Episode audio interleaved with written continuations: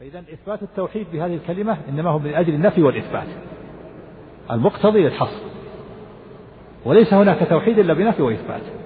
لا إله غيره لا بد من من النفي والإثبات حتى يكون التوحيد كفر وإيمان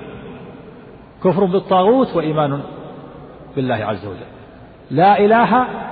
هذا كفر بالطاغوت إلا الله هذا إيمان بالله نفي وإثبات ففيها كفر وإيمان كفر بالطاغوت لا إله إلا الله إيمان بالله عز وجل تخلية ثم تحلية لا إله هذا تخلية نفيت جميع الآلهة التي تعبد من دون الله ثم أثبت الألوهية لله عز وجل ولا إله إلا الله لا نافية للجنس وإله اسمها والخبر محذوف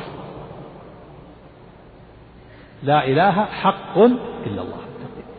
تقدير لا إله حق إلا الله والإله معناه المعبود الإله معناه المعبود لا معبود بحق إلا الله وهذه الكلمة كلمة التوحيد لا تنفع صاحبها إلا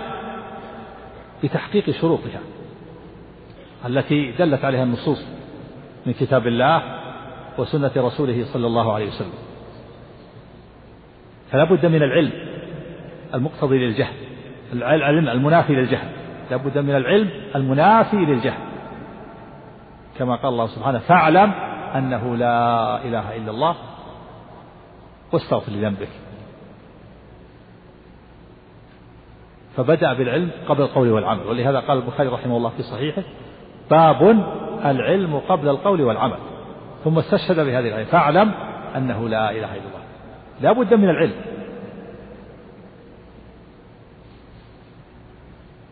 وقال سبحانه إلا من شهد بالحق وهم يعلمون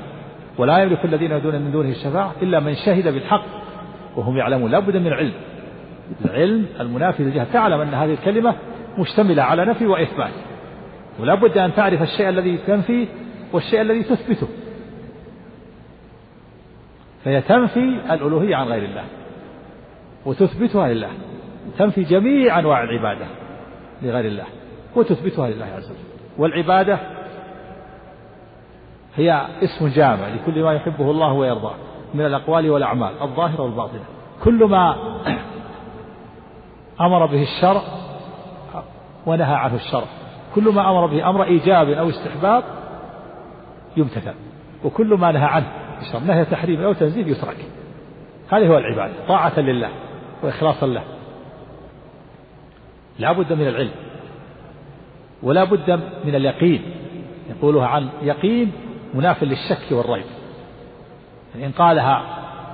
وليس عنده يقين عنده شك وتردد تردد في أن الإله هو المعبود بالحق لا تنفع هذه الكلمة لا ينفع أن تقول لا بد أن يقولها عن عن يقين مناف للشك والريب ولا بد أن من الصدق المانع من النفاق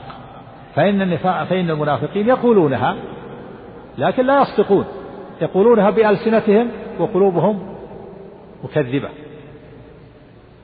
قال الله عز وجل ومن الناس من يقول آمنا بالله وباليوم الآخر وما هم بمؤمنين آمنا بالله وباليوم الآخر بألسنتهم وما هم بمؤمنين بقلوبهم وقال سبحانه إذا جاءك المنافقون قالوا نشهد إنك لرسول الله والله يعلم إنك لرسوله والله يشهد إن المنافقين لكاذبون ولا بد من الإخلاص المنافي للشرك إذا قال هذه الكلمة لا إله إلا الله ولم يخلص أعماله لله لأن وقع في عمله شرك بطلت هذه الكلمة وانتقضت الشرك ينقضها ويحبط جميع الأعمال قال سبحانه لئن أشركت لا يحبطن عملك ولا تكونن من الخاسرين وقال سبحانه ولو أشركوا لحبط عنهم ما كانوا يعملون قال سبحانه وقدمنا إلى ما عملوا من عمل فجعلناه هباء منثورا لابد من الإخلاص إذا وقع الشرك في عمل العبد بطل بطل توحيده وإيمانه وانتقض كما لو توضأ وأحسن الوضوء وتطهر وأحسن الطهارة ثم أحدث خرج منه بول أو غائط أو ريح بطلت الطهارة فكذلك كلمة التوحيد إذا قالها عن غير إخلاص في عمله شرك فإن شركه ينقض توحيده لا بد من علم منافي للجهل ويقين منافي للشك والريب وصدق مانع من النفاق وإخلاص مانع منافي للشرك ولا بد من المحبة لهذه الكلمة ولأهلها والسرور بذلك ولا بد من الانقياد بحقوقها وهي الأعمال الواجبة يفعل الواجبات ويترك المحرمات انقاد يكون منقاد بحقوقها ولا بد من القبول المنافي للترك فقد يقولها بعض الناس لكن لا يقبلها ممن يدعوه إليها تعصبا وتكبرا فإذا وجدت هذه الشروط فإن هذه الكلمة تكون صحيحة ويكون قالها عن تحقيق لا بد من إخلاص التعلق لله عز وجل أما من قالها بلسانه ولكنه ينقضها بأفعاله أو قالها وقلبه مكذب فإنها لا تنفعه ولا بد أيضا من أن يوحد الله في ربوبيته وفي أسمائه وصفاته كما سبق في البارحة أن أنواع التوحيد الثلاثة متلازمة توحيد الربوبية هو توحيد الله بأفعاله هو وتوحيد الألوهية توحيد الله بأفعالك أنت أيها العبد وتوحيد الأسماء والصفات كذلك هذه الأنواع الثلاثة متلازمة كلها مطلوبة لا بد أن توحد الله في ربوبيته وتوحد الله في أسمائه وصفاته وتوحد الله في عبادته وألوهيته من لم يأتي بنوع من هذه الأنواع لم يصح توحيده من لم يوحد الله في ربوبيته فهو كافر ولو زعم أنه يعبد الله ولا يمكن أن يكون يعبد الله وهو لا يوحد الله في ربوبيته كذلك من زعم أنه يوحد الله في أسمائه وصفاته ولكنه لم يوحد الله في عبادته لم يكن موحدا هذه الأنواع الثلاثة متلازمة توحيد الألوهية متضمن لتوحيد الربوبية بمعنى أن من عبد الله وأخلص التأله والتعلق لله عز وجل فلا بد أن يكون قد وحد الله في ربوبيته في ضمن ذلك لا بد أن يكون وحد الله في ربوبيته لأنه إنما عبد الله لاعتقاده أن الله هو الخالق الرازق المدبر المحيي المميت الذي بيده النفع والضر لولا أنه يعتقد ذلك لما عبد الله فإذا توحيد الألوهية متضمن لتوحيد الربوبية أما توحيد الأس توحيد الربوبية فإنه مستلزم مستلزم لتوحيد الألوهية بمعنى أن من وحد الله في ربوبيته واعتقد أن أن الله هو الخالق الرازق المدبر المحيي المميت فإنه فإن هذا الاعتقاد وهذا التوحيد يوجب له أن يوحد الله في ألوهيته لكن ليس كل واحد يلتزم بما لديه يلزمه يلزم من وحد الله في ربوبيته أن يوحد الله في في ألوهيته لكن ليس كل واحد يلتزم بما لزمه والدلالات عند العلماء عند أهل الأصول والمناطقة الدلالات ثلاث دلالة التضمن ودلالة المطابقة ودلالة الالتزام لأن قلنا إن توحيد الألوهية متضمن لتوحيد الربوبية وتوحيد الربوبية مستلزم لتوحيد الألوهية ما معنى الاستلزام وما معنى التضمن وما معنى وما, وما معنى المطابقة الدلالة ثلاث دلالة التضمن هو دلالة الشيء على جزء معناه أو على بعض معناه ودلالة الالتزام دلالة الشيء على خارج معناه ودلالة المطابقة دلالة الشيء على جميع معناه فمثلا من عبد الله فإنه فإنه وحد الله في ربوبيته ووحد الله في ألوهيته فتكون دلالة دلالة توحيد العبادة دلالة مطابقة لأنه, لأنه دل على جميع معناه لأن توحيد العبادة يشمل أمرين يشمل توحيد الربوبية وتوحيد الألوهية فدلالة العبادة على على توحيد الربوبية والألوهية دلالة مطابقة ودلالة توحيد العبادة على توحيد الربوبية دلالة تضمن لأنه يدل على جزء معناه فالربوبية توحيد الربوبية جزء من معنى توحيد الألوهية ودلالة العبادة والألوهية على الربوبية والألوهية دلالة مطابقة دلالة الشيء على جميع معناه أما دلالة توحيد الربوبية على توحيد الألوهية فهي دلالة الالتزام لأنه, لأنه خارج عن معناه مثل دلالة التوبة على تائب دلالة التوبة على تائب فالتوبة غير التائب دلالة الوالد على الولد فالولد غير الوالد شيء خارج عنه فتوحيد الربوبية غير توحيد الألوهية فدلالة توحيد الربوبية على توحيد الألوهية دلالة دلالة الالتزام وهو شيء خارج عن معناه أما دلالة العبودية الألوهية على الربوبية فهي دلالة تضمن لأنه في ضمن الألوهية الربوبية توحيد الربوبية هذه الدلالة الثلاث تسمى دلالة التضمن ودلالة الالتزام ودلالة المطابقة فدلالة الالتزام دلالة دلالة الشيء على خارج معناه كدلالة توحيد الربوبية على توحيد الألوهية ودلالة التضمن دلالة الشيء على جزء معناه كدلالة توحيد الألوهية على توحيد الربوبية ودلالة المطابقة دلالة الشيء على جميع معناه كدلالة الألوهية على الربوبية والألوهية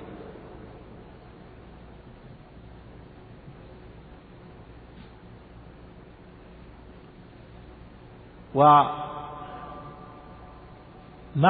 الإله كما سبق هو المعبود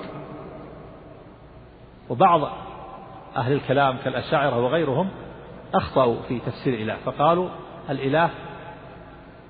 آه، في تقدير الخبر تقدير الخبر قالوا لا إله موجود إلا الله وفسروا الإله بالخالق وهذا خطأ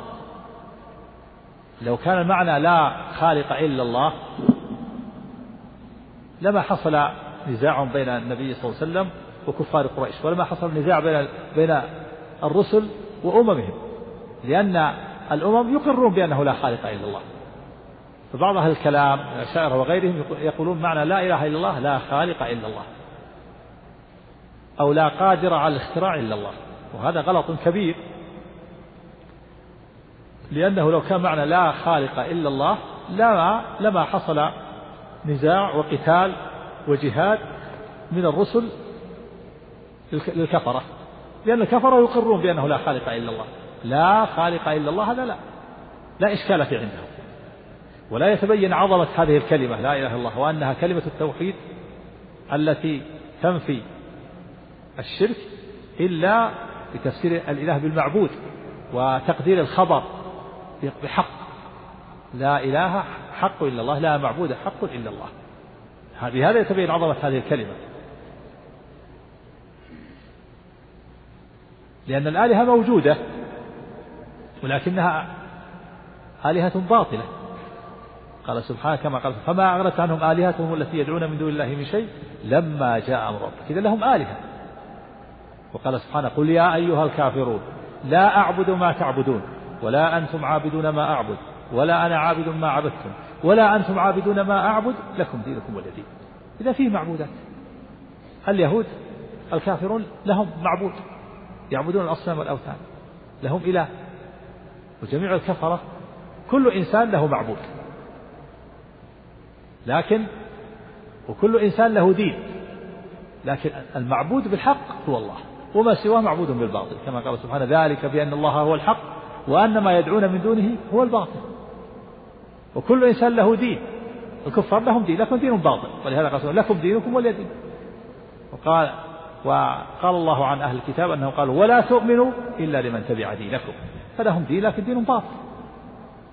والدين الحق هو دين الإسلام إن الدين عند الله الإسلام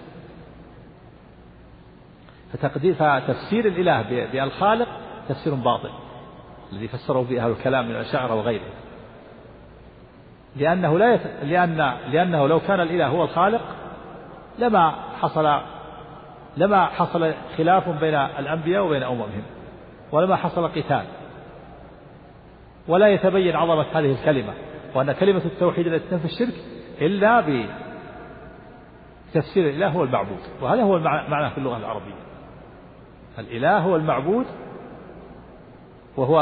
وإله اسم لا في الجنس من أخوات إنا تنصب الاسم وترفع الخبر وإله اسمها والخبر محذوف تقديره لا إله حق لا معبود حق إلا الله نعم قال رحمه الله تعالى قديم بلا ابتداء دائم بلا انتهاء قول الطحاوي رحمه الله قديم بلا ابتداء دائم بلا انتهاء يقول إن يعني يريد أن يصف الله ويسمي الله بأنه قديم بلا ابتداء ودائم بلا انتهاء كلمة القديم ما وردت في أسماء الله وإنما أحدثها أهل الكلام لكن آه، الطحاوي رحمه الله لما رأى أن هذه الكلمة لا لا تدل على الاسم الذي ورد في الكتاب والسنة لأن الذي ورد الأول والآخر الأول والآخر اسمان لأزلية الله وأبديته لما رأى الطحاوي هذا قيد فقال قديم بلا ابتداء دائم بلا انتهاء فيكون يساوي معنى اسمه الأول قديم بلا ابتداء هو معنى اسمه الأول دائم بلا انتهاء هو معنى اسمه الآخر ولكن تسمية الله بأنه قديم محدث أحدثه أهل الكلام وأهل السنة والجماعة لا لا يسمون الله بأنه قديم لأن الأسماء والصفات توقيفية ومعنى توقيفية أنه أننا نقف على ما ورد في الكتاب والسنة فما ورد في الكتاب والسنة من الأسماء والصفات نثبتها لله وما ورد من الكتاب والسنة نفي عن الله نفي عن الله وما لم يرد في الكتاب والسنة نفيا ولا إثباتا نتوقف مثل لفظ الجسم والحيز والعرض فقول الطحاوي قديم دائم هذا ليس من أسماء الله لكن لما رأى أن والقديم لا يفيد معنى الأول لكن لما رأى أنه لا يفيد قيده بقول قديم بلا ابتداء يعني قديم لا ابتداء له ودائم لا انتهاء لآخريته قديم لا ابتداء لأوليته ودائم لا انتهاء لآخريته لكن نقول لا حاجة إلى هذا لا, لا حاجة إلى هذا ينبغي أن نكتفي بما ورد في الكتاب والسنة فنقول نثبت لله الأول والآخر الأول والآخر كما قال سبحانه هو الأول والآخر والظاهر والباطن وهو بكل شيء عليم وثبت في الحديث الصحيح في صحيح مسلم الدعاء المشهور النبي صلى الله عليه وسلم قال اللهم رب السماوات والأرض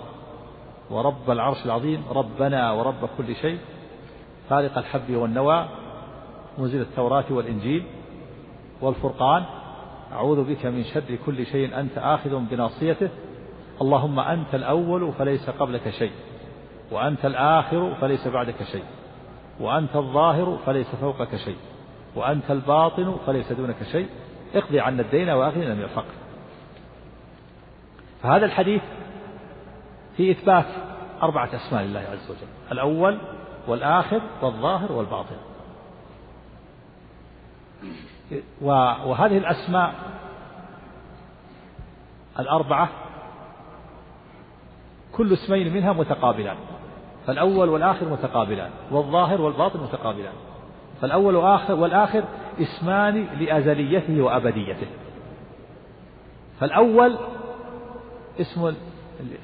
لأزليته سبحانه وتعالى والمعنى أنه الأول الذي ليس لأولته ليس لأوليته بداية والآخر الذي ليس لآخريته نهاية ولهذا فسره النبي صلى الله عليه وسلم في هذا الحديث فقال اللهم أنت الأول فليس قبلك شيء وأنت الآخر فليس بعدك شيء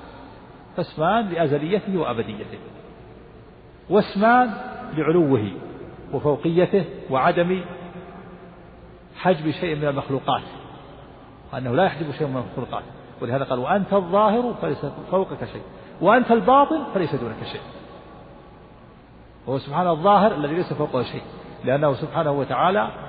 فوق السماوات وفوق العرش مستوٍ على عرشه بائن من خلقه وهو الباطن الذي لا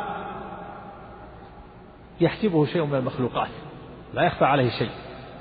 يرى كل شيء ويبصر كل شيء سبحانه وتعالى ولا يخفى عليه شيء من خلقه من أعمالهم وحركاتهم وسكناتهم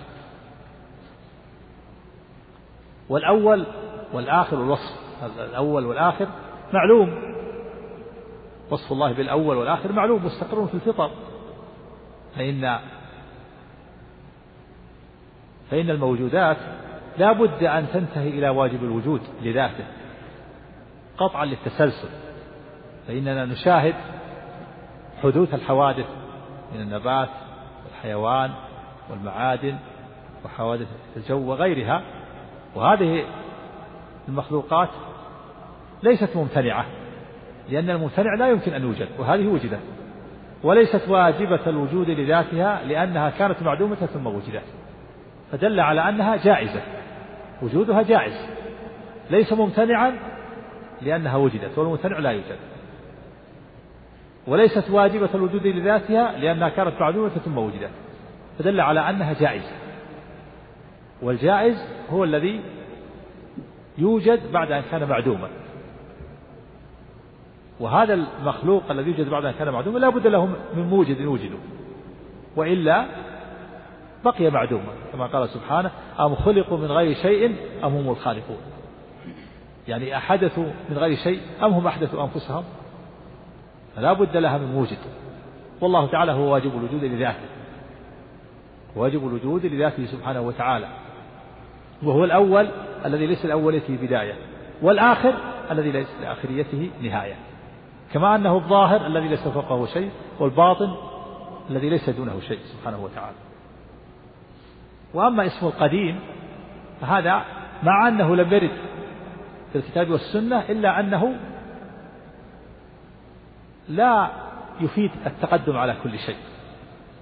إنما يفيد التقدم التقدم تقدما نسبيا ولا يفيد التقدم على كل شيء كما قال سبحانه وتعالى حتى عاد كالعرجون القديم فيسمى العرجون القديم إذا وجد العرجون الجديد لكن ليس متقدما على كل شيء وقال سبحانه وتعالى أفرأيتم ما كنتم تعبدون أنتم وآباؤكم الأقدمون والأقدم مبالغة في القديم وقال سبحانه فسيقولون هذا إفك قديم ومنه سميت القدم قدم الإنسان لأنها تتقدم بدن الإنسان والفعل يأتي منه لازما ومتعديا يقال أخذني ما قدم وما حدث ويقال هذا قدم هذا يقدمه يعني يتقدمه وقال سبحانه في فرعون يقدم قومه يوم القيامة يعني يتقدمهم في النار ومنه القول القديم والجديد للشافعي فالقول القديم ما أفتى به في العراق والقول الجديد ما أفتى به في مصر فسمي الجديد القديم بالنسبة للقول الجديد فالمقصود أن كلمة القديم ما تفيد التقدم على كل شيء مع أنها لم ترد في الكتاب والسنة الاسم القديم مع أنه لم يرد في الكتاب والسنة فهو لا يفيد التقدم على كل شيء وإنما يريد يفيد التقدم النسبي إذا نسبت إلى ما بعده صار قديما وإذا نسبت إلى ما قبله صار جديدا بخلاف الأول والآخر فإن الأول يفيد أن الله سبحانه وتعالى هو الأول الذي ليس لأوليته بداية كما قال النبي صلى الله عليه وسلم كما فسره النبي صلى الله عليه وسلم اللهم أنت الأول فليس قبلك شيء والآخر هو الذي ليس لآخريته بداية كما فسره النبي صلى الله عليه وسلم بقوله وأنت الآخر فليس بعدك شيء ولا يرد على هذا كون الجنة والنار باقيتان وكون الناس إذا بعثوا يبقون لأن لأن وجودهم إنما هو بإيجاد الله لهم وجودهم بإيجاد الله لهم وبقاءهم ولأن بقاءهم بإبقاء الله لهم نعم قال رحمه الله تعالى لا يفنى ولا يبيد لا يفنى ولا يبيد الله سبحانه وتعالى هذا تأكيد لقوله هو الأول والآخر تأكيد لقوله قديم بلا ابتداء دائم بلا انتهاء هو لا يفنى ولا يبيد يعني هو سبحانه وتعالى الباقي والزائل وهو الباقي الذي لم يزل سبحانه وتعالى لم يزل ولا يزال ولا يتطرق إليه الفناء ولا التغير ولا البلاء لأنه لأن حياته كاملة سبحانه وتعالى هو الحي القيوم والفناء والبيد متقاربان فهذا تأكيد لكونه سبحانه وتعالى هو الأول وهو الباقي وهو وهو الآخر وهو الحي القيوم الذي لا يتطرق إليه ضعف ولا نوم ولا سعة لا يتطرق, لا يتطرق إليه موت ولا نوم ولا سنة ولا ضعف ولا تغير لأنه كامل سبحانه وتعالى ولا فناء ولا بيت بخلاف المخلوق فإنه يفنى ويبيد ويزول ويضعف ويمرض ويتفرق ويموت أما الله سبحانه وتعالى فهو الكامل هو الأول والآخر وهو الحي القيوم له الحياة الكاملة هو الموصوف بصفات الكمال الذي لا يتطرق إليها نقص وجه من الوجوه نعم قال رحمه الله ولا يكون إلا ما يريد ولا يكون إلا ما يريد هذا فيه إثبات الإرادة وأن كل ما يكون في هذا الكون فالله أراده كل ما كان في هذا الكون فالله أراده لأنه لا يقع في ملك الله إلا ما يريد فلا يكون شيء إلا ما أراده الله كل ما في هذا الكون من المخلوقات فالله أراد وجودها لأن الله هو المالك المدبر المتصرف فلا يكون في ملك الله إلا ما يريد فلا يكون في ملك الله إلا ما يريد من الذوات والصفات والأفعال كل ما في هذا الكون من الموجودات من الأعيان والذوات والصفات والأفعال فالله أراد وجودها لأنه لا يكون في ملك الله إلا ما يريد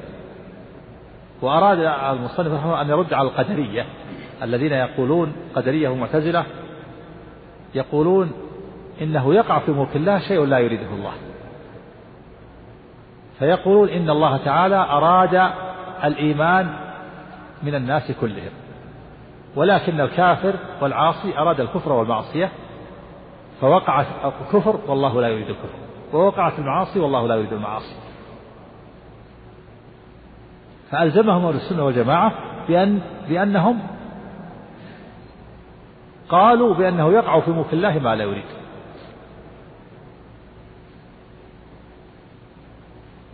وهذا يلزم منه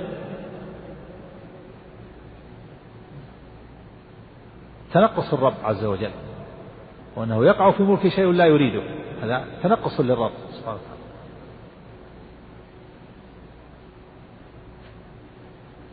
وأهل السنة والجماعة يقولون إن الله تعالى وإن كان أراد وقوع الكفر والمعاصي كونا وقدرا لكنه لا يريدها دينا وشرعا ولا يحبها ولا يرضاها ولا يأمر بها بل ينهى عنها ويبغضها ويسخطها ويكرهها فالله تعالى وإن أرادها كونا وقدرا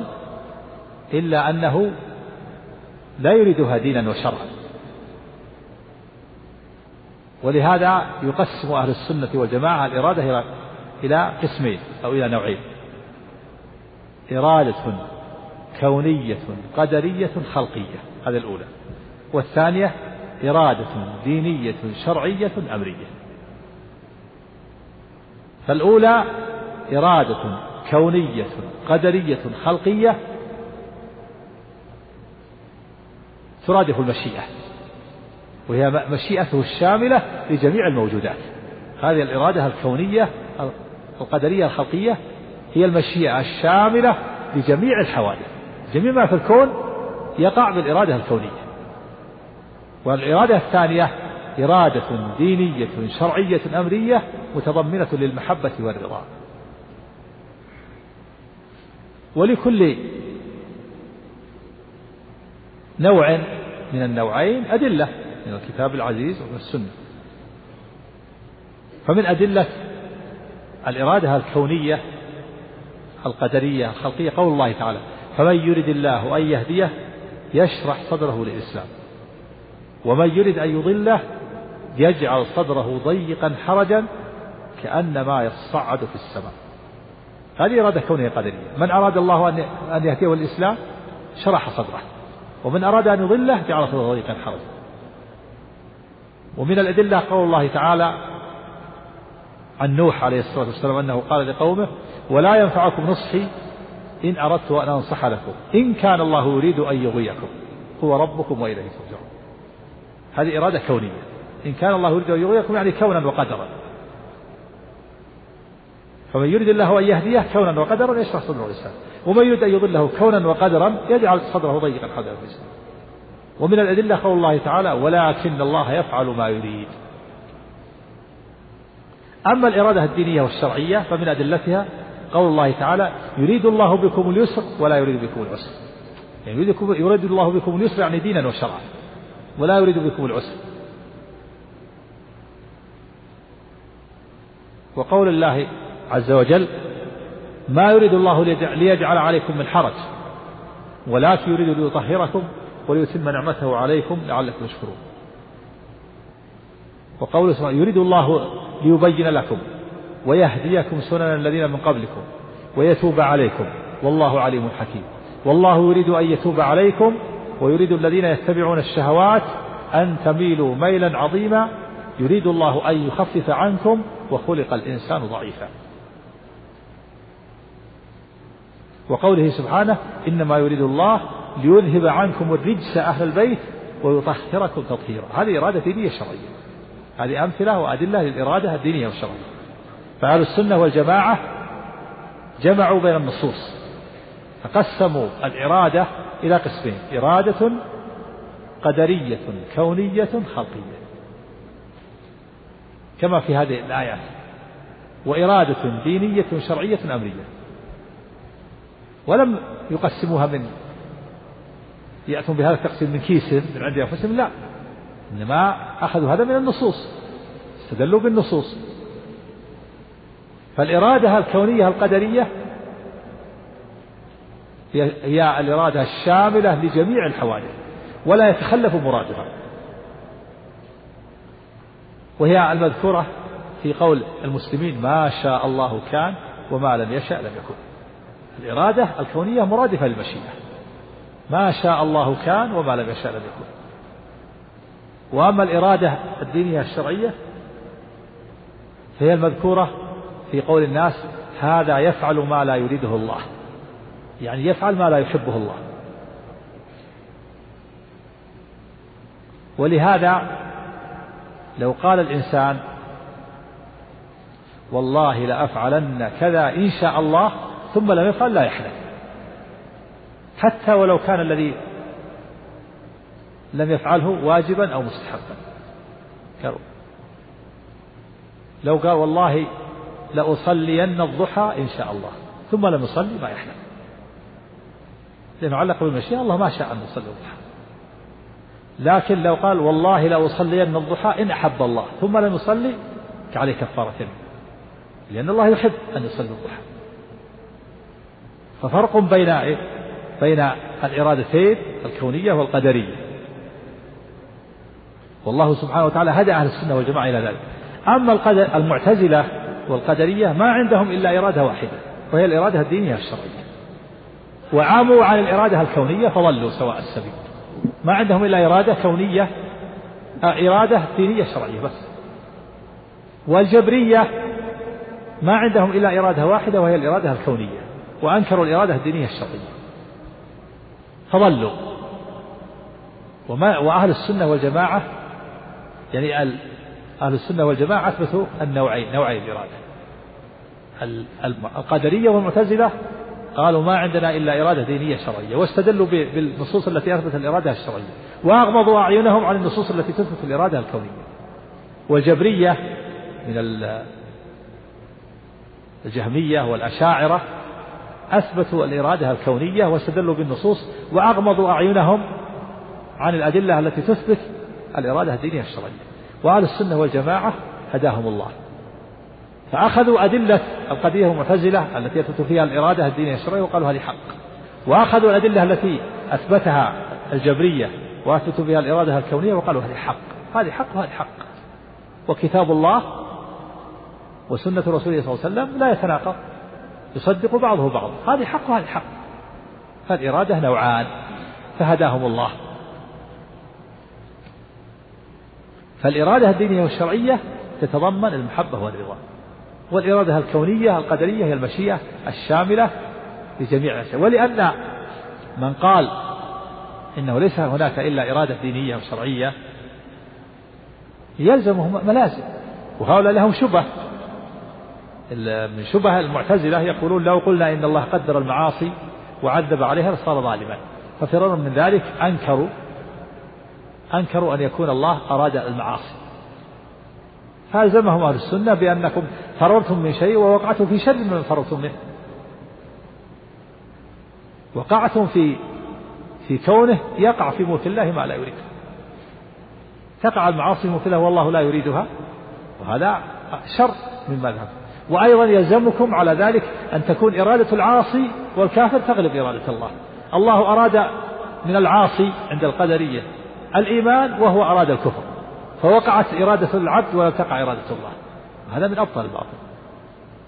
أما أهل السنة فقالوا إن الله كل شيء في هذا الوجود كل شيء في هذا الوجود أراده الله كونا وقدرا كفر والمعاصي وغيرها لكن له حكمة لله الحكمة البالغة في ذلك لكنه لا يريد الكفر والمعاصي دينا وشرعا ولا يبغض ولا ولا يحب ذلك بل يبغض ذلك وينهى عنه ويسره فالله تعالى له له حكمة بالغة من حكمه وأسراره في إيجاد الكفر والمعاصي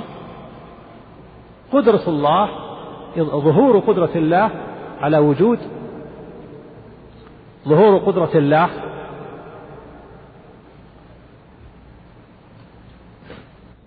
فمن الحكم في تقدير الله للكفر والمعاصي ظهور قدرة الله على إيجاد المتقابلات والمتضادات فالكفر يقابل الإيمان والمعصية تقابل الطاعة كما أن الليل يقابل النهار ومنها ظهور العبوديات المتنوعة التي لولا تقدير الله الكفر والمعصية لما حصل منها انقسام الناس إلى شقي وسعيد وإلى مؤمن وكافر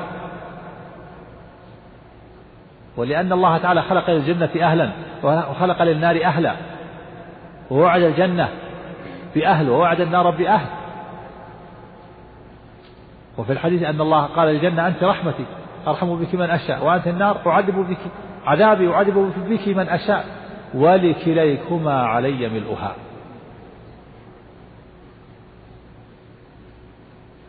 ومنها ظهور العبوديات التي يحبها الله كعبودية الجهاد في سبيل الله وعبودية الولاء والبراء وعبودية الأمر بالمعروف والنهي عن المنكر لو ما كان هناك كفر ولا كفار ولا عصاة أين هذه العبودية أين عبودية الجهاد في سبيل الله أين عبودية الجهاد والصبر أين عبودية الولاء والبراء أين عبودية الحب في الله والبغض في الله وهكذا فهذه حكم وأسرار فالله تعالى قدرها لا لذاتها بل لما يترتب عليها من الحكم وكون الكفر والمعاصي يحصل منه ضرر على الأشخاص الذين قدر عليهم هذا ضرر نسبي ضرر نسبي لا يضاف إلى الله والذي يضاف إلى الله إنما هو الخلق والإيجاد والتقدير وهذا الخلق والإيجاد مبني على الحكمة فلا يسمى شرا بالنسبة إلى الله ولكن يسمى شرا بالنسبة إلى العبد الذي أضره وأساء إليه أما بالنسبة إلى الله فلا يضاف إليه إلا الذي يضاف إلى الخلق والإيجاد والتقدير وهو مبني على الحكمة كما قال النبي صلى الله عليه وسلم في الحديث الصحيح والشر ليس إليك فالمقصود أن قول المصنف رحمه الله ولا يكون إلا ما يريد يبين معتقد أهل السنة والجماعة في إثبات الإرادة الكونية الشاملة والرد على المعتزلة وعلى الجبر الرد على المعتزلة الذين أنكروا الإرادة الكونية القدرية وأنهم ضلوا كما أن الجبرية أثبتوا الإرادة الكونية وظلوا في عدم إثباتهم للإرادة الدينية الشرعية وهذا الله أهل السنة والجماعة فأثبتوا الإرادة بنوعيها وعملوا بالنصوص من الجانبين والله يهدي من يشاء إلى صراط مستقيم نسأل الله أن يجعلنا وإياكم منهم نعم قال رحمه الله لا تبلغه الأوهام ولا تدركه الأفهام لا تبلغه الأوهام ولا تدركه الأفهام الأوهام جمع وهم وهو الظن والأفهام جمع فهم وهو العلم ولهذا يقول أهل اللغة توهمت الشيء ظننته وفهمت الشيء علمته والمعنى أن الله سبحانه وتعالى لا يبلغه وهم ولا يحيط به علم كما قال سبحانه ولا يحيطون به علما فالله تعالى لا يحيط به العباد ولا يعلمون كنها وحقيقيته وحقيقته لا يبلغون كنها وحقيقته وإنما يعلمون بأسمائه وصفاته ولهذا قال سبحانه ولا يحيطون به علما فالله سبحانه وتعالى لكماله ولعظمته لا يحيط به العباد ولا يعلمون ويعلمون سبحانه لكن لا يحيطون به علما كما أنهم يرونه يوم القيامة المؤمنين يرون ربهم لكنهم لا يحيطون به رؤيا لا يحيطون به رؤيا لكمال عظمته وكونه أكبر من كل شيء وكذلك يعلمونه ولكنهم لا يحيطون به علما فلا يعلمون كنها وحقيقته فالبشر لا يدركون كنه الله وحقيقته وإنما يعلمون بأسمائه وصفاته وأفعاله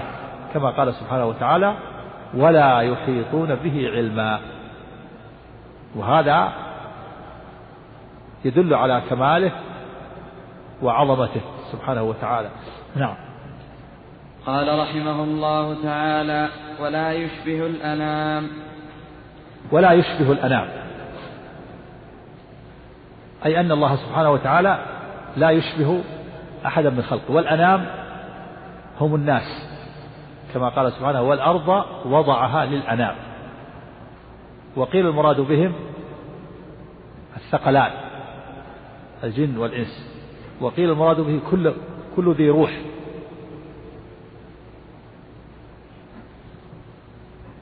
والأقرب الأنام الناس والأرض وضعها الأنام الناس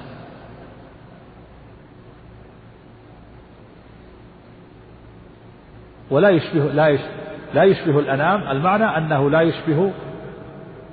أحدا من خلقه وقيل المراد كل الخلق الخلق كله والمعنى أنه لا يشبه أحدا من خلقه وأراد المصنف رحمه الله الرد على المشبهة الذين يشبهون الله بخلقه ويغلون في الإثبات فيقول أحدهم علم الله كعلم المخلوقين وقدرته كقدرتهم وسمعه كسمعهم واستواءه كاستوائهم وهذا هو مذهب المشبهة والغالب أن المشبهة من غلاة الشيعة وأول من قال إن الله جسم هشام بن الحكم الرافضي وبيان ابن سمعان التميمي الذي تنسب إليه البيانية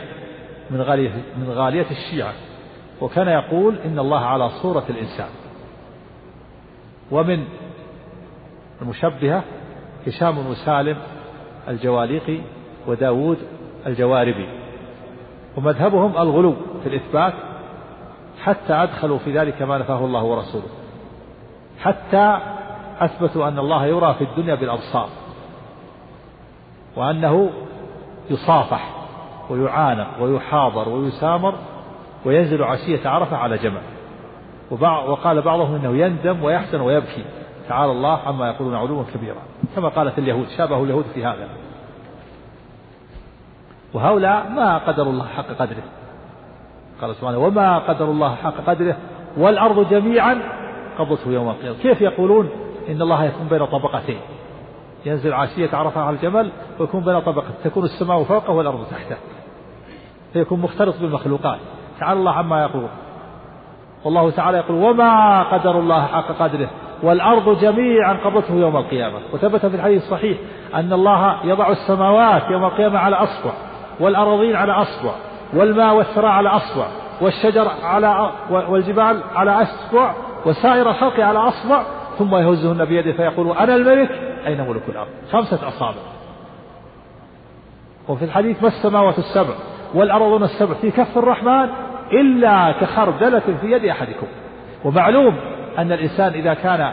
بيده خردلة فهو مسيطر عليها مستول عليها إن شاء قبضها وإن شاء جعلها تحته فكيف يقول هؤلاء الكفرة إن الله ينزل عشية عرفة على جمل وأنه يكون أن تكون السماء فوقه والأرض تحته تعالى الله عما يقولون علوا كبيرا والتشبيه مذهب باطل قد جاء في النصوص بنفيه وإبطاله قال الله تعالى ليس كمثله شيء وهو السميع البصير وقال سبحانه هل تعلم له سميا وقال سبحانه لا فلا تضربوا لله الأمثال وقال سبحانه فلا تجعلوا لله أندادا وأنتم تعلمون ومن شبه الله بخلقه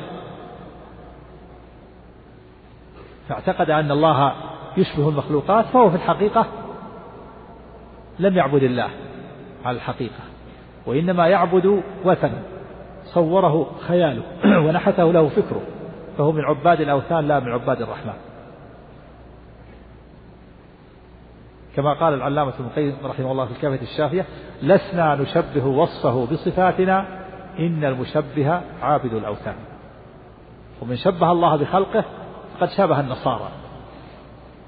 فكما أن الله لا يشبهه أحدا من خلقه لا يشبه أحدا من خلقه فهو لا يشبهه أحد من خلقه فهو لا يشبه أحدا من خلقه ولا يشبهه أحد من خلقه ومذهب المشبه عكس مذهب النصارى فالمشبهة شبهوا الله بخلقه وقالوا إن الله مثل المخلوقات والنصارى شبهوا المخلوق بالخالق المشبهة شبهوا الخالق بالمخلوق فقالوا إن صفة الله كصفة المخلوق والنصارى شبهوا المخلوق بالخالق فقالوا إن عيسى ابن الله فالنسبة بين مشبهة والنصارى عكسية وكل منهم مشبه ولهذا قال علامة ابن القيم رحمه الله في الكافية الشافية من مثل الله العظيم في خلقه فهو النسيب لمشرك النصران وقال نعيم بن حماد شيخ البخاري رحمه الله من شبه الله بخلقه فقد كفر ومن أنكر ما وصف الله به نفسه أو وصفه به رسوله فقد كفر وليس فيما وصف الله به نفسه أو وصفه به رسوله من ذلك تشبيه قال إسحاق ابن راهويه الإمام المشهور من شبه الله بخلقه فقال إن الله يشبه أحدا من خلقه في صفاته فهو كافر بالله العظيم أو كما ورد عنه رحمه الله وبهذا يتبين أن المشبهة كفار وأن غالبهم من غلاة الشيعة نسأل الله السلامة والعافية ولعلنا نكتفي بهذا القدر نسأل الله الجميع العلم النافع والعمل الصالح صلى الله على محمد وآله وصحبه والآن العاشرة والسادسة دقيقة أو الخامسة لأننا بدأنا التاسعة والخامسة فنرجو أن ألا تتأخر الأسئلة في بعد أذان العشاء وتقام الصلاة بعد ربع ساعة أو ثلث ساعة لأن الآن اليوم ما أقيمت الصلاة إلا تاسعة إلا ربع فلو أقيمت الثامنة والنصف وخمس يكون هذا طيب حتى نراعي هذا في في في الختام في, في البدء وفي الختام نعم إلى الأسئلة إن كان هناك أسئلة نعم السؤال الأول يقول فضيلة الشيخ ما رأيكم في كتاب قوت القلوب لأبي طالب المكي ما ما قرأته ولا أحكم عليه بشيء نعم السؤال الثاني ما رأيكم في كتاب شرح العقيدة الطحاوية لمؤلف يدعى عبد الغني الغنيمي الميداني الحنفي الدمشقي المتوفى سنة 98 و200 وألف علما بأنه يباع في الرياض ما قرأته لكن علي بن أبي علي بن علي بن أبي العز و شارح الطحاوية هذه ذكر أنه الطحاوية شرحت بشروح متعددة وأن شراحها شرحوها على ما يتمشى مع معتقد أهل الكلام وأهل البدع فأراد أن يشرحها على معتقد أهل السنة والجماعة فأمثل الشروح هو هذا الشروح شرح الطحاوية لابن أبي العز المنتشر بين أيدي طلبة العلم هذا هو الذي أنصح بقراءته وما عداه فلا ينبغي فلعله من الشروح التي ذكر الشارح أنها تتمشى مع معتقد أهل البدع نعم وأنا ما قرأت هذا الشرح الذي ذكرته نعم يقول السائل باب الأفعال أوسع من باب الصفات فهل معنى هذا أن نقف على ورود اللفظ في النص إن كان فعلا فنطلقه فعلا دون الوصفية نعم هو الأفعال عن يعني صفات الأفعال يطلق على لفظ الفعل الخلق مثلا يثبت الله على ما ورد الخلق التصوير والقبض والبسط والخفض والرفع كل هذه صفات أفعال على ما وردت ومكروا ومكر الله والله خير الماكرين ما يشتك منها الماكر بل يقال يمكر الله بالمكر به يخادع الله خادعهم يقال إن الله يخدع من خدعه وهو خادع من خدعه جاء على لفظ الفعل وعلى لفظ اسم الفاعل آه، الإضافة بالإضافة لكن ما يشتق منه الخادع وكذلك إنهم يكيدون كيدا وأكيد كيدا وإن الله يكيد من كاده ولا يشتق منه اسم فيقال من أسماء الله الكائد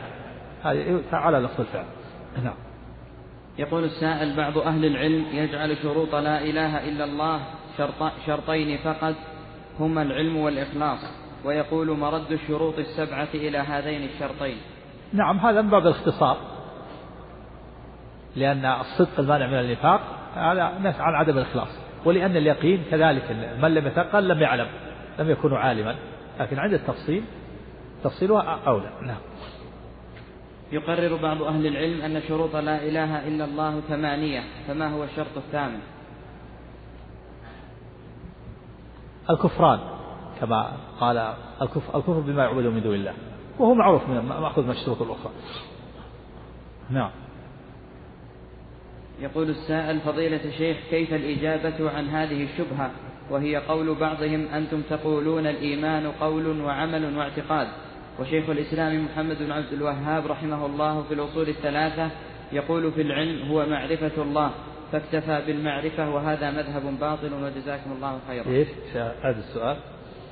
يقول كيف الإجابة عن هذه الشبهة وهي قول بعضهم أنتم تقولون الإيمان قول وعمل واعتقاد والشيخ محمد بن عبد الوهاب في الأصول الثلاثة يقول في العلم هو معرفة الله فاكتفى بالمعرفة وهذا مذهب باطل وجزاكم الله خيرا هذا آه، آه، تفسير العلم ما قال الإيمان تفسير العلم هو المعرفة الإيمان قول وعمل واعتقاد هذا قول أهل السنة قاطبة وبعضهم يقول قول وعمل القول قول القلب وهو الإقرار والتصديق وقول اللسان والعمل عمل القلب وعمل الجوارح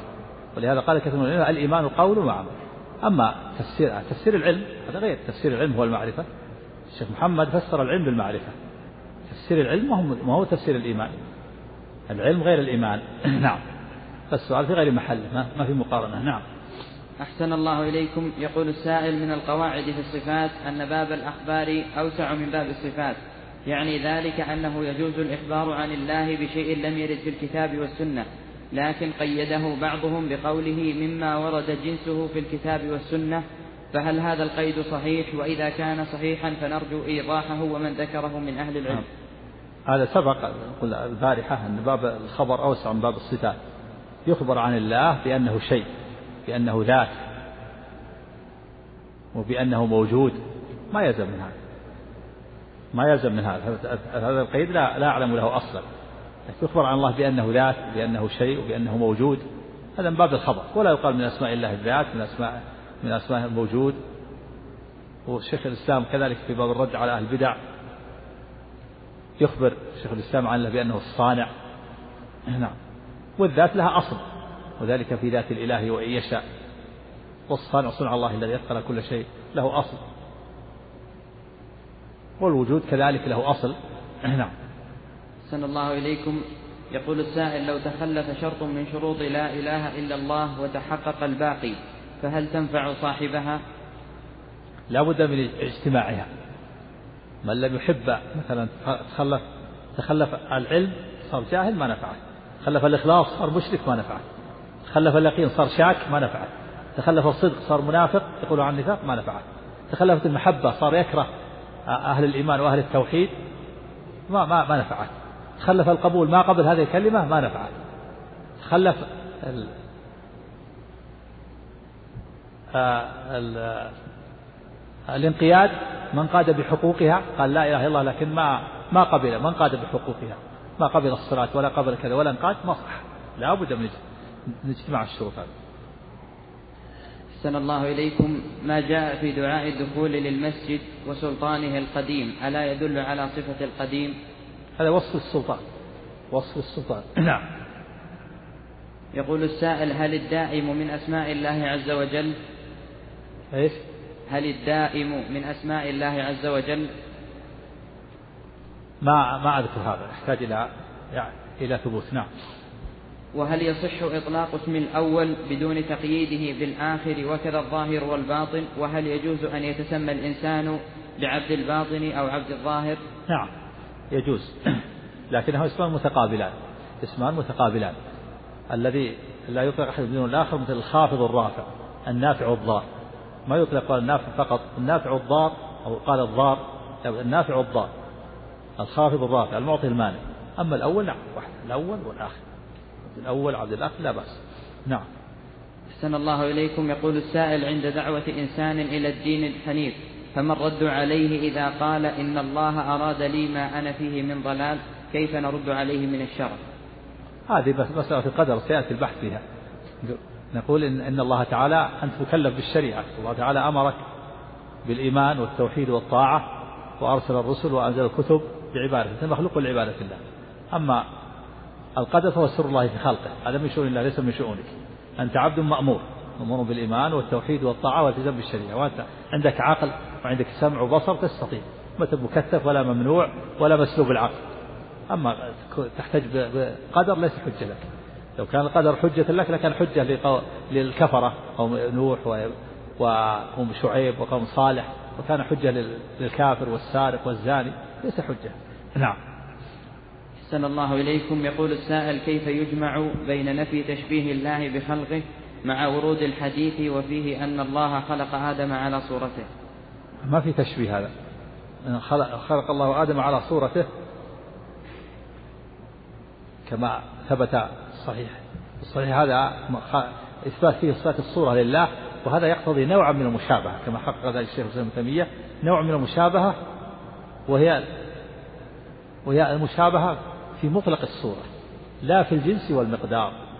نوع من المشابهة والمشابهة في مطلق الصورة لكنه ليس لا لا يقتضي مشابهة مماثلة في الجنس ولا في المقدار وشيخ الإسلام له كتاب عظيم في هذا وهو بيان تدريس الجهمية وحقق رسالة كاملة في حديث الصورة رسالة كاملة دكتوراه وهو الآن يعني تحت الطبع أو انتهى من الطبع على وشك الخروج إن شاء الله الكتاب العظيم بيان تلبيس الجهمية نعم السؤال الأخير يقول السائل أنتم أشرتم بإصبعكم حفظكم الله أن الله يجعل الجبال على أصبع وأشرتم بهذا فهل هذا جائز؟ نعم من باب تحقيق الصفة كما ثبت عن النبي صلى الله عليه وسلم لما قال إن الله كان سميعا بصيرا أشار إلى أذنه وعينه من باب تحقيق الصفة ليس المراد التشبيه نعم وفق الله جميع طاعته ورزق الله جميع النافع والعمل الصالح صلى الله على محمد واله وصحبه وسلم. عليكم ورحمه الله وبركاته. بسم الله الرحمن الرحيم، الحمد لله رب العالمين والصلاه والسلام على اشرف الانبياء والمرسلين نبينا محمد وعلى اله وصحبه اجمعين. اما بعد. سم. بسم الله الرحمن الرحيم. الحمد لله رب العالمين والصلاة والسلام على أشرف الأنبياء والمرسلين نبينا محمد وعلى آله وصحبه أجمعين قال الإمام الطحاوي رحمه الله تعالى حي لا يموت قيوم لا ينام بسم الله الرحمن الرحيم الحمد لله والصلاة والسلام على رسول الله وعلى آله وصحبه ومن تبع هدى أما بعد قوله رحمه الله حي لا يموت قيوم لا ينام في إثبات هذين الاسمين للرب سبحانه وتعالى هو اسم الحي واسم القيوم وهما متضمنان لصفة الحياة وصفة القيومية فالحي اسم من أسماء الله عز وجل والقيوم اسم آخر والحي متضمن لصفة الحياة والقيوم متضمن لصفة القيومية لأن أسماء الله سبحانه وتعالى مشتقة ليست جامدة فكل اسم من أسماء الله يدل على الصفة الرحمن يدل على صفة الرحمة القادر يدل على صفة القدرة العليم يدل على صفة العلم وهكذا الحي يدل على صفة الحياة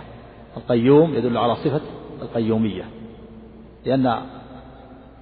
صفات الله تعالى لأن أسماء الله تعالى مشتقة ليست جامدة تشتمل على المعاني والحي والقيوم اسمان عظيمان من أسماء الرب سبحانه وتعالى قد جمع الله سبحانه وتعالى بينهما في ثلاث آيات من كتابه عز وجل الآية الأولى قول الله تعالى الله لا إله إلا هو الحي القيوم لا تأخذه سنة ولا نوم وهي آية الكرسي والثانية قوله تعالى في أول سورة آل عمران ألف لام ميم الله لا إله إلا هو الحي القيوم نزل عليه الكتاب بالحق والثالث في سورة طه قوله سبحانه وعنت الوجوه للحي القيوم وقد خاب من حمل ظلمه فالله تعالى جمع بينهما في هذه الآيات الثلاث واسم الحي جاء في آيات أخرى قال تعالى وتوكل على الحي الذي لا يموت هو الحي لا إله إلا هو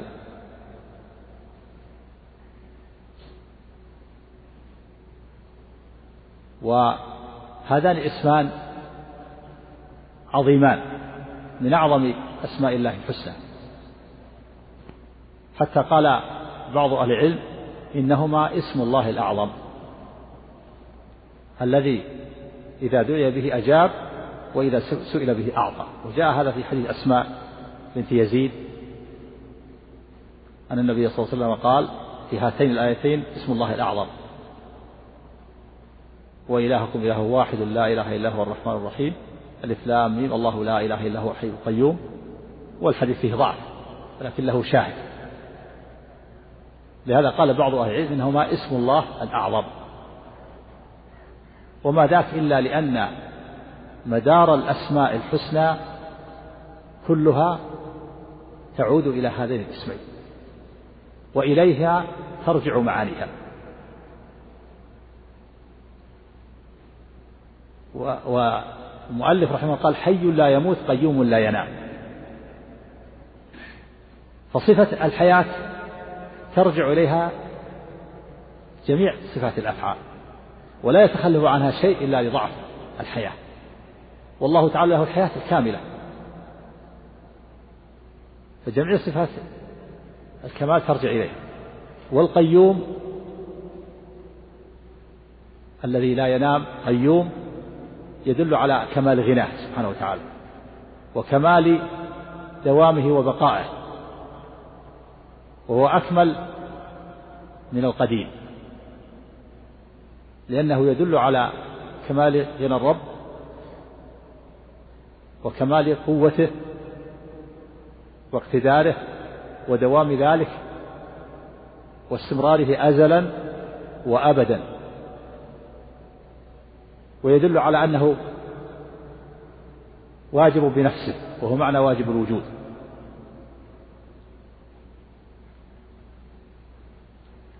ولهذا قال الله سبحانه وتعالى الله لا إله إلا هو الحي القيوم جمع بينهما لا تأخذه سنة ولا نوم فنفي السنة والنوم يدل على كمال الحياة والقيومية ولهذا كانت هذه الآية وهي آية الكرسي أعظم آية في القرآن الكريم كما ثبت ذلك في الصحيح وأن من قرأها في ليلة لم يزل عليه من, من الله حافظ ولا يقربه شيطان حتى يصبح الله لا إله إلا هو الحي القيوم لا تأخذه سنة ولا نوم إلى آخر الآية وما ذاك إلا لأن هذين الاسمين الحي والقيوم يتضمنان صفات الكمال أكمل تضمن وأصدقه فإلى الحياة ترجع جميع صفات الأفعال والقيوم هو كامل الغنى والقدرة الذي لا يحتاج إلى أحد الغني الذي لا يحتاج إلى أحد بوجه من الوجوه القائم بنفسه المقيم لغيره سبحانه وتعالى فانتظم هذان الاسمان جميع الأسماء الحسنى أكمل تضمن وأصدقه وكان النبي صلى الله عليه وسلم كثيرا ما يدعو ما يتوسل إلى الله بهذين الاسمين يا حي يا قيوم يا حي يا قيوم فهما اسمان عظيمان ثابتان لله عز وجل متضمنان لصفات الكمال الحي متضمن لصفة الحياة والقيوم متضمن لصفة القيومية فيعبد العبد الحي وعبد القيوم نعم قال رحمه الله تعالى خالق بلا حاجة رازق بلا مؤونة وهذان أيضا هذان أيضا اسمان من أسماء الرب وهو أنه الخالق والرازق فمن أسماء الله الخالق ومن أسماء الرازق هو خالق بلا حاجة إلى أحد لأنه الكامل سبحانه وتعالى لا يحتاج إلى أحد وهو الغني عن كل ما سواه رازق بلا مؤونة يعني بلا ثقل وكلفة ومشقة والأدلة على ذلك كثيرة قال الله تعالى وما خلقت الجن والإنس إلا ليعبدون ما أريد منهم من رزق وما أريد أن يطعمون إن الله هو الرزاق ذو القوة المتين قال سبحانه يا أيها الناس أنتم الفقراء إلى الله والله هو الغني الحميد إن يشاء يذبكم ويأتي بخلق جديد وما ذلك على الله بعزيز وقال سبحانه والله الغني وأنتم الفقراء وقال سبحانه قل أغير الله أتخذ وليا فاطر السماوات والأرض وهو يطعم ولا يطعم وثبت في صحيح مسلم من حديث أبي ذر رضي الله عنه أن النبي صلى الله عليه وسلم قال في الحديث الطويل يا عبادي لو أن أولكم وآخركم وإنسكم وجنكم كانوا على أتقى قلب رجل واحد منكم ما زاد ذلك في ملكي شيئا يا عبادي لو أن أولكم وآخركم وإنسكم وجنكم كانوا على أفجر قلب رجل واحد منكم ما نقص ذلك من ملكي شيئا يا عبادي لو أن أولكم وآخركم وإنسكم كانوا في صعيد واحد فسألوني فأعطيت كل واحد مسألة مسألته ما نقص ذلك مما عندي إلا كما ينقص المخيط إذا أدخل البحر أو كما قال عليه الصلاة والسلام وهو حديث قدسي من كلام الله عز وجل لفظا ومعنى فهو سبحانه وتعالى رازق عباده وهو خالقهم سبحانه وتعالى من غير حاجة لا يحتاج إلى أحد وهو رازقهم بلا مشقة ولا كلفة لأنه الكامل ولأنه على كل شيء قدير سبحانه وتعالى نعم قال رحمه الله تعالى مميت بلا مخافة باعث بلا مشقة مميت لأنه سبحانه وتعالى يحيي ويميت من صفاته الفعلية أنه يحيي ويميت هذه من الصفات الفعلية يحيي ويميت وهو يميت بلا مشقة بلا مخافة يحيي ويميت مميت بلا مخافة باعث بلا مشقة فهو يميت عباده يميت من شاء إماتته بلا مخافة من أحد لا يخاف من أحد لأنه ليس فوقه أحد يخافه كما قال سبحانه وتعالى حينما أهلك ثمود ومصالح فدمدم عليهم ربهم بذنبهم فسواها ولا يخاف عقباها ولا يخاف من أحد سبحانه وتعالى ليس فوقه أحد وهو الحكيم العليم وهو مميت بلا مخافة باعث يبعث عباده يحييهم ويعيد إليهم أرواحهم ويبعث أجسادهم بعد إماتتهم حينما يأمر إسرائيل فينفخ في الصور فتعود الأرواح إلى الأجساد ويقوم الناس برب العالمين كما سيأتي في البعث والموت صفة وجودية خلافا للفلاسفة ومن وافقهم فإنهم يقولون صفة عدمية والصواب أن الموت صفة وجودية والدليل على أنه صفة وجودية قول الله تعالى الذي خلق الموت والحياة ليبلوكم أيكم أحسن عملا والمعدوم لا يوصف بكونه مخلوقا والذي خلق الموت والحياة يدل على أن الموت صفة وجودية وثبت في الصحيحين أن النبي صلى الله عليه وسلم قال يؤتى يوم القيامة بالموت على صورة كبش أملح فيذبح بين الجنة والنار فيقال يا أهل الجنة خلود ولا موت ويقال يا أهل النار خلود ولا موت فيزداد أهل الجنة نعيما إلى نعيمهم وأهل النار حسرة إلى حسرتهم وهذا بعد إخراج العصاة عصاة الموحدين من النار والموت وإن كان عرضا إلا أن الله يقلبه عينا لأن الله على كل شيء قدير والذي يذبح هو الموت لا الملك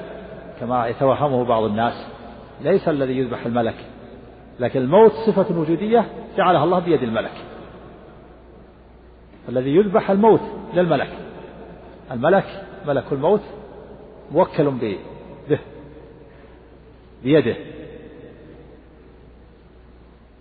والله على كل شيء قدير يقلب العرض فيكون عينا كما أن العمل الصالح يأتي الإنسان في قبره على صورة شاب حسن صورة والعمل القبيح يأتي على أقبح صورة الله تعالى يجعل عمله آه، عينا وكما يأتي القرآن في صورة الرجل الشاحب اللون يعني قراءته عمله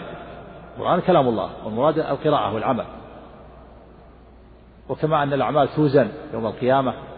في الميزان يجعلها الله أعيانا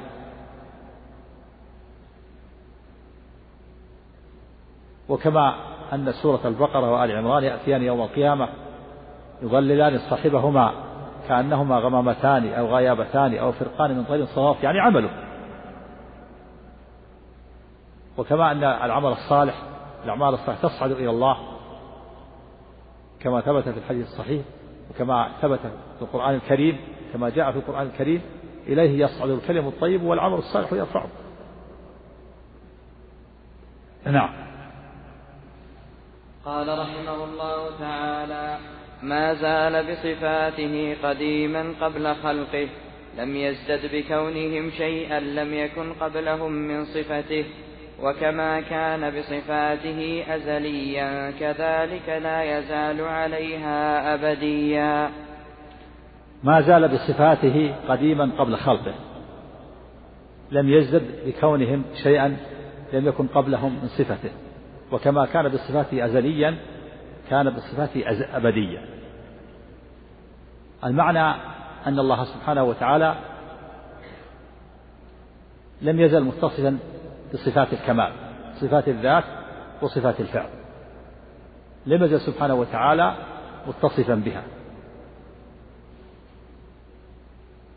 ولم يكن فاقدا لشيء منها في وقت من الأوقات هو متصف بصفات الكمال قبل خلقه وبعد خلقه والصفات تنقسم إلى قسمين صفات الذات وصفات الأفعال وصفات الذات ضابطها هي التي لا تنفك عن الباري كالحياة والعلم والقدرة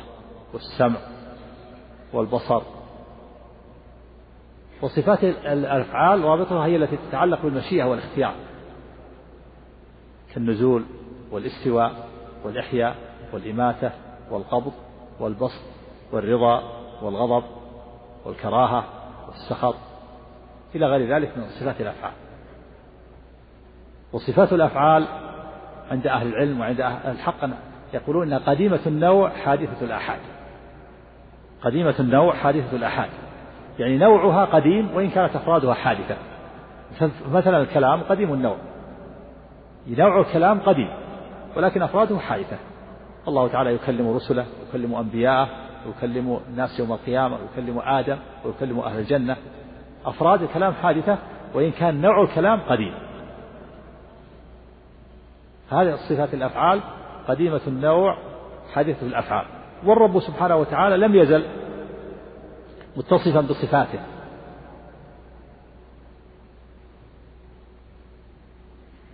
ولم تحدث له صفة من الصفات بعد خلقه بل كان متصفا بصفة الكمال أزلا وأبدا لأن هذه الصفات صفات كمال ولا يمكن أن يكون فاقدا لهذا الكمال في وقت من الأوقات ولأن فقدها نقص ولا يمكن أن يتصف الرب بالنقص في أي وقت من الأوقات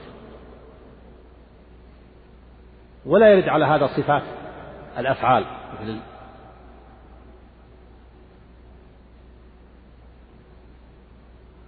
مثل الكلام والاستواء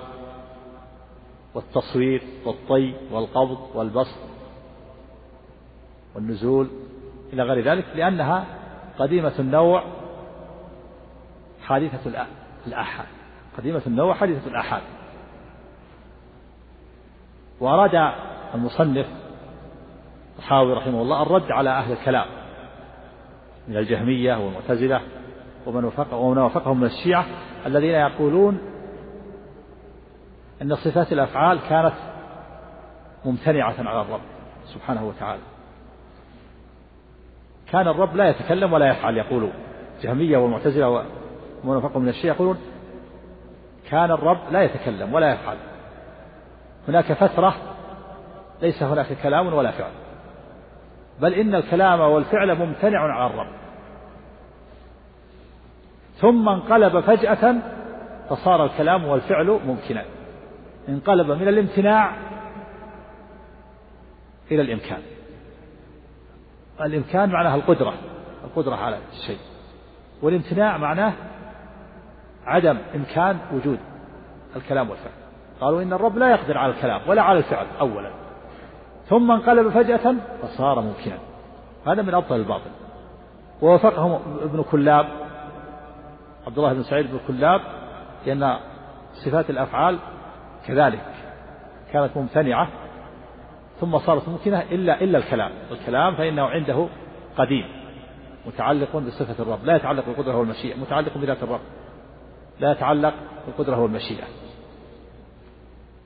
وهذا كلام باطل هذا مذهب هؤلاء أهل الكلام وأهل البدع مذهب باطل وأهل السنة والجماعة يقولون إن الرب سبحانه وتعالى لم يزل متكلما ولم يزل فاعلا إلى ما لا نهاية لأن الرب فعال قال سبحانه وتعالى كذلك الله يفعل ما يشاء قال ولكن الله يفعل ما يريد وقال سبحانه فعال لما يريد وقال سبحانه قل لو كان البحر مدادا لكلمات ربي لنفد البحر قبل أن تنفد كلمات ربي ولو جئنا بمثله مددا وقال سبحانه ولو أن ما في الأرض من شجرة أقلام والبحر يمده من بعده سبعة أبحر سبعة أبحر ما نفذت كلمات الله إن الله عزيز حكيم فهذه النصوص تدل على أن الرب فعال وكل حي فعال والفعل صفة كمال فلا يمكن أن يكون فاقدا لهذا الكمال في وقت من الأوقات قال بعض أهل الكلام لا بد أن نوجد فترة ليس فيها كلام ولا فعل هناك فترة ما فيها كلام ولا فعل قالوا لأننا لو قلنا إن الكلام متسلسل والفعل متسلسل معناه انسد علينا طريق إثبات الصانع وهو الله فلا ندري فلا ندري هل هذه الأفعال أو الحوادث سابقة لله أو هو سابق عليها فلا بد في إثبات أن الله هو الأول لا بد أن نثبت فترة ما في كلام ولا فعل ثم بعد ذلك يأتي الكلام والفعل حتى يكون الله هو الأول هذه شبهتهم أهل السنة ردوا عليهم وقالوا من, من وجوه قالوا أولا الوجه الأول أن إثبات الفترة التي ليس فيها كلام ولا فعل لا دليل عليه لا دليل يدل على إثبات فترة أن هناك فترة لا يتكلم فيها الرب ثانيا أن إثبات هذه الفترة تعطيل للرب من الكمال والرب فعال فعال لما يريد فلا يمكن أن يكون فاقدا لهذا الكمال في وقت من الأوقات ثالثا أن قولكم إن الكلام والفعل كان ممتنع على الرب ثم انقلب فجأة فصار ممكنا ما الذي جعله ينقلب من الامتناع إلى الإمكان إذا كان الرب فعال وكان الرب كامل سبحانه وتعالى وكان له الكمال ولم يتجدد له شيء فما الذي جعل الكلام والفعل ممكن ممتنعا ثم جعله ممكنا ولأنه ما من وقت يقدر الإمكان ما من وقت يقدر إلا والإنسان ثابت قبله لا تستطيعون أن تحطوا بفترة ما دمتم أثبتتم أن الكلام والفعل ممكن الممكن معناه هو جائز جائز الوقوع فما من وقت يقدر إلا والإمكان ثابتا قبله إلى ما لا نهاية فلا تستطيعون أن تحددوا وقتا يكون بدءا للفعل والإمكان وثالثا أنه يلزمكم على هذا أن أن العالم ليس حادثا والعالم حادث والحادث ممكن والمعنى ممكن أنه يجوز أن يوجد ويجوز أن لا يوجد إذا أراد الله إيجاده أوجده وإذا لم يرد فلا إذا أراد الله يوجد خلق شيء من خلقه وجد وإذا لم يرد لا يوجد فقولكم بالامتناع ينقضه إجماع العقلاء واتفاق العقلاء على أن العالم حادث وقولكم إن الرب هو الأول نعم الرب هو الأول الذي ليس قبله شيء وكون الحوادث متسلسلة في المستقبل لا يمنع أن يكون الله هو الأول لأننا نقول كل فرد من أفراد الحوادث مسبوق بالعدم موجود بإيجاد الله له كل فرد من أفراد الحوادث والمخلوقات مسبوق بالعدم والله تعالى أوجده بعد أن كان معدوما وإذا وصفنا بهذا الوصف لا يلزم أن يثبت فترة فنقول الحوادث متسلسلة في ال في ال في الأزل في الماضي إلى ما لا نهاية ثم وأيضا من الردود أنكم خالفتم النصوص فإن النصوص فيها أن الرب فعال ولكن الله يفعل ما يريد كذلك الله يفعل ما يشاء فعال لما يريد ولأنكم بهذا تنقصتم الرب سبحانه وتعالى حيث نفيتم عنه صفة الكمال وهو الفعل والكلام وهذه تسمى مسألة تسلسل الحوادث الحوادث عن يعني المخلوقات النبات والحيوان والأشجار والطيور والحيوانات والسماوات والأراضي إلى غيره سمى حوادث هذه هل هي الحوادث متسلسلة؟ قال أهل السنة الحوادث متسلسلة في الماضي بمعنى أن الرب لم يزل يفعل ويخلق خلقا بعد خلق إلى ما لا نهاية في الأزل ولكن كل فرد من أفراد هذه المخلوقات مسبوق بالعدد موجود بإيجاد الله له ليس له من نفسه وجود ولا عدم الله أوجده بعد أن كان معدوما كل فرد من أفراده أما نوع نوع الحوادث فهو متسلسل إلى ما لا نهاية كما أن الحوادث متسلسلة في المستقبل إلى ما لا نهاية فكما أن تسلسل الحوادث في المستقبل لا يمنع أن يكون الله هو الآخر فكذلك تسلسلها في الماضي لا يمنع أن يكون الله هو الأول لأن الحوادث متسلسلة في المستقبل بالاتفاق حتى أهل البدع وافقوا على أن الحوادث متسلسلة في المستقبل لأن الله لا يزال يحدث لأهل الجنة نعيما بعد نعيم إلى ما لا نهاية فالحوادث متسلسلة في الماضي وفي المستقبل هذا هو الحق والذي تدل عليه يدل عليه النصوص من الكتاب والسنة وإجماع السلف أن الحوادث متسلسلة في الماضي وفي المستقبل وذهب كثير من أهل البدع وأهل الكلام إلى أن الحوادث متسلسلة في المستقبل ولكنها غير متسلسلة في الماضي لابد أو أثبتوا فترة معطل فيها الرب من الكلام والفعل وقال الجهم بن صفوان إن الحوادث ليست مستثنة لا في الماضي ولا في المستقبل لأن أوجد فترة في الماضي وكذلك في المستقبل يقول غير متسلسلة لأن الجهم ذهب إلى أن أن الجنة والنار تفنيان وذهب أبو الهذيل العلاف شيخ المعتزلة في القرن الثالث إلى أن أهل الجنة وأهل النار تفنى حركاتهما ويكون كالحجارة وعلى هذا فتكون مسألة تسلسل الحوادث في الماضي هذه من المسائل الكبار والمسائل المهمة والمسائل العظيمة والمسائل الشائكة التي أحجم عنها الفحول من الرجال حتى إن العلامة ابن القيم رحمه الله لما ذكر هذا في كافية الشافية أشار بعد ذلك إلى أن وإن كان جزم بذلك إلى أن من كان عنده علم فليأتي به فالمقصود أن الحوادث معنى الحوادث متسلسلة يعني الحوادث يعني المخلوقات متسلسلة يعني مستمرة الصور العقلية التي يتصورها العقل أربع أربع صور الصورة الأولى الحوادث متسلسلة في الماضي وفي المستقبل الصورة الثانية الحوادث غير متسلسلة لا في الماضي ولا في المستقبل الصورة الثالثة الحوادث متسلسلة في المستقبل لا في الماضي الصورة الرابعة الحوادث متسلسلة في الماضي لا في المستقبل هذه صورة عقلية ثلاث صور قال بها الناس وصورة لم يقل بها أحد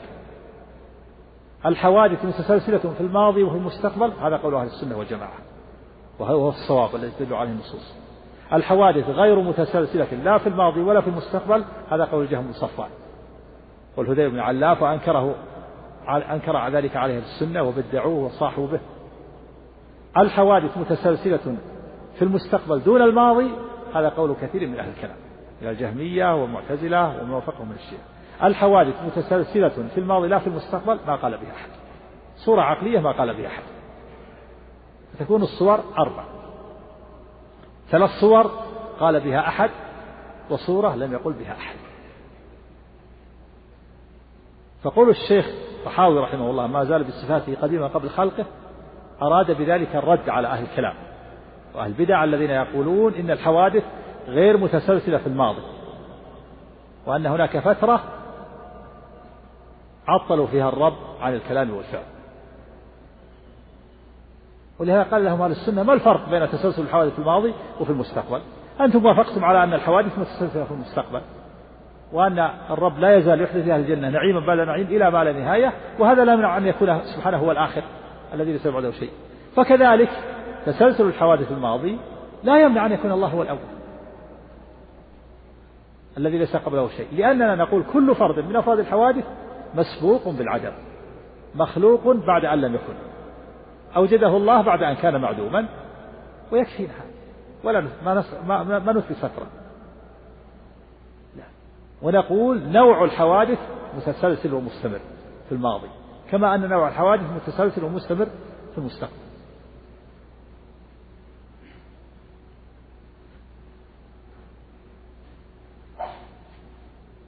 والصفات كما سبق الذاتية والفعلية ثابتة للرب سبحانه وتعالى بخلاف أهل البدع فإنهم فإنهم أنكروا الصفات الذاتية والفعلية كالجهمية والمعتزلة وأما الكلابية فإنهم أثبتوا الصفات الذاتية وأنكروا الصفات الفعلية تكون مذاهب ثلاثة أهل السنة أثبتوا الصفات الذاتية والفعلية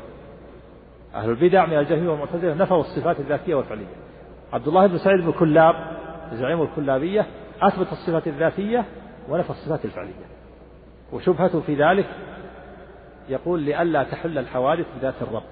يسمونها مسألة حلول الحوادث مسألة حلول الحوادث يقولون لو أثبتنا الكلابية والأشاعرة لو أثبتنا الصفة لو أثبتنا الصفة الفعلية من الغضب والرضا والكراهة والسخط والقبض والبسط والإحياء والإماتة والخفض والرفع والطي والاستواء والنزول للزم من ذلك حلول الحوادث في ذات الرب والله منزل منزه عن حلول الحوادث قال أهل السنة ما مرادكم بحلول الحوادث هذا القول وهو حلول الحوادث قول مجمل لا بد فيه من التفصيل إن أردتم بحلول الحوادث أن الله يحل في ذاته شيء من مخلوقاته هذا ليس هذا باطل الله تعالى لا يحل في ذاته شيء من مخلوقاته ما تبقى من مادة هذا الشريط تتابعونها في الشريط التالي